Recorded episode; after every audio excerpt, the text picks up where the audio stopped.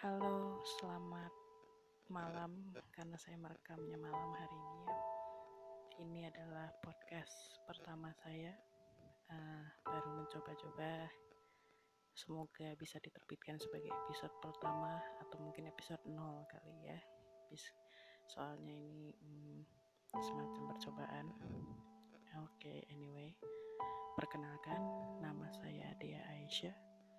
Saya akan membahas topik-topik yang bagi saya menarik dalam podcast saya ini. Dalam hal ini uh, topik yang menarik bagi saya adalah konsep hidup minimalis yang sudah saya pelajari dalam jangka waktu 2 sampai dengan satu tahun belakangan ini yang lebih optimal ya hasil dari banyak membaca buku-buku inspiratif kemudian mendengarkan podcast yang inspiratif kemudian uh, akhirnya mencoba menerapkannya sendiri di rumah gitu ya. Terutama sekali sih buku mengenai konsep hidup tertata. Ini mungkin lebih cocoknya ya kalau untuk KonMari nih uh, adalah buku hasil tulisan Marie Kondo yaitu The Life Changing Magic of Tidying Up. Konsep hidup tertata kalau saya menyebutnya karena Maria Kondo sendiri tidak menyebut dirinya sebagai seorang minimalis. Dia adalah orang yang gemar beres-beres, rapi-rapi, dan menata barang-barang.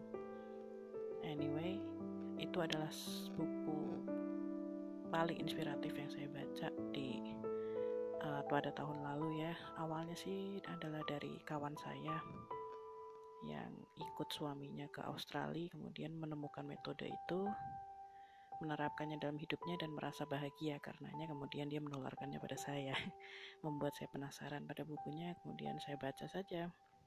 Dan ternyata oh isinya benar-benar eye opener cobalah baca dulu bukunya Maria Kondo gitu ya. Selain itu buku inspiratif lain yang saya baca adalah Seni Hidup Minimalis dari Francine J. Dengan metode streamline-nya saya lupa singkatan apa streamline itu nanti saya bahas di podcast lainnya kemudian yang agak ekstrim ini untuk konsep minimalis ekstrim itu adalah Goodbye Things dari Fumio Sasaki. Wah ini minimalis sejati ini mungkin ya. Kiblatnya minimalis sejati ini. Anyway kalau saya sih ketika membaca buku-buku tersebut kemudian saya mencoba mengejawantahkan konsepnya tidak 100% mungkin ya. Karena kita orang Indonesia kita punya budaya yang berbeda dengan orang Jepang maupun orang Barat. Jadi ya sekitar 80% mungkin inti sarinya KonMari dan uh, seni hidup minimalis Francine J yang saya ambil. Terutama untuk KonMari ya kalau saya lebih terpengaruh dari KonMari. Saya menerapkan KonMari karena di kepala saya konsepnya Maria Kondo dalam KonMari itu. Masuk akal gitu bagi saya. Jadi untuk bisa memulai hidup minimalis pertama-tama ya kita harus membenahi lingkungan hidup dan kondisi hidup kita dulu gitu. Dengan metode KonMari itu sangat terbantu sekali untuk beres-beres uh, ruangan dan hal-hal lain juga ya. Karena tidak hanya ruangan karena metode KonMari itu uh, uh, apa ya beberes ruangan itu adalah langkah awal dari beberes dan menata diri. Intinya mindset sih. Mindset hidup lo yang tertata dengan cara metode KonMari itu awalnya adalah dari membenahi barang-barang yang kau punya dulu.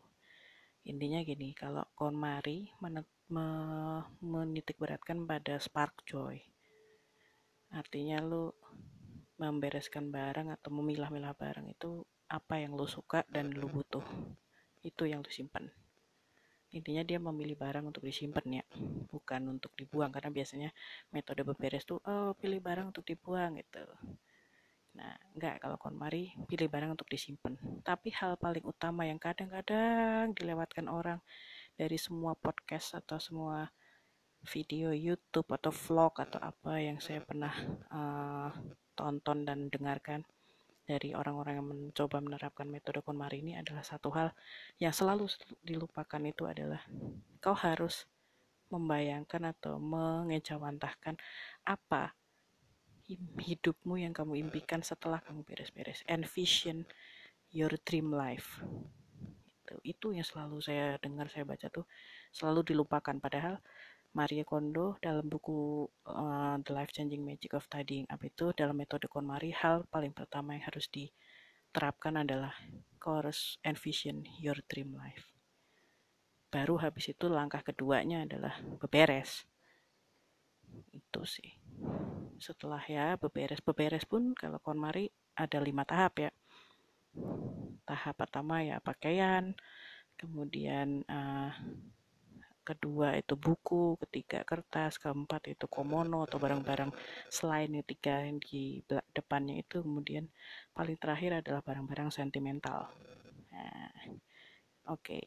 Intinya, oke, okay, sekian untuk KonMari ya. Itu saya kita akan bahas lebih lanjut di podcast lain, tapi intinya gini Selama satu tahun ini saya mencoba untuk hidup minimalis dengan menerapkan konsep KonMari dan seni hidup minimalis Francine J. Dan saya sudah membereskan banyak barang dan saya merasa oh iya juga ya.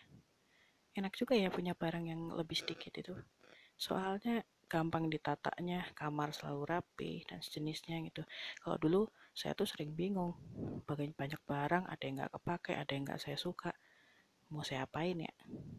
Dibuang sayang. Nah, prinsip dibuang sayang itu yang setelah baca buku-buku itu jadi ngapain gue sayang-sayang kalau gue ini mending gue kasih orang gitu kan intinya gitu uh, oke okay, kita minimalis juga uh, tidak mengutamakan jumlah sebenarnya ya. Cuma memang biasanya sih kalau orang minimalis tuh barang-barang terutama baju ya kita ngukur dari baju dulu.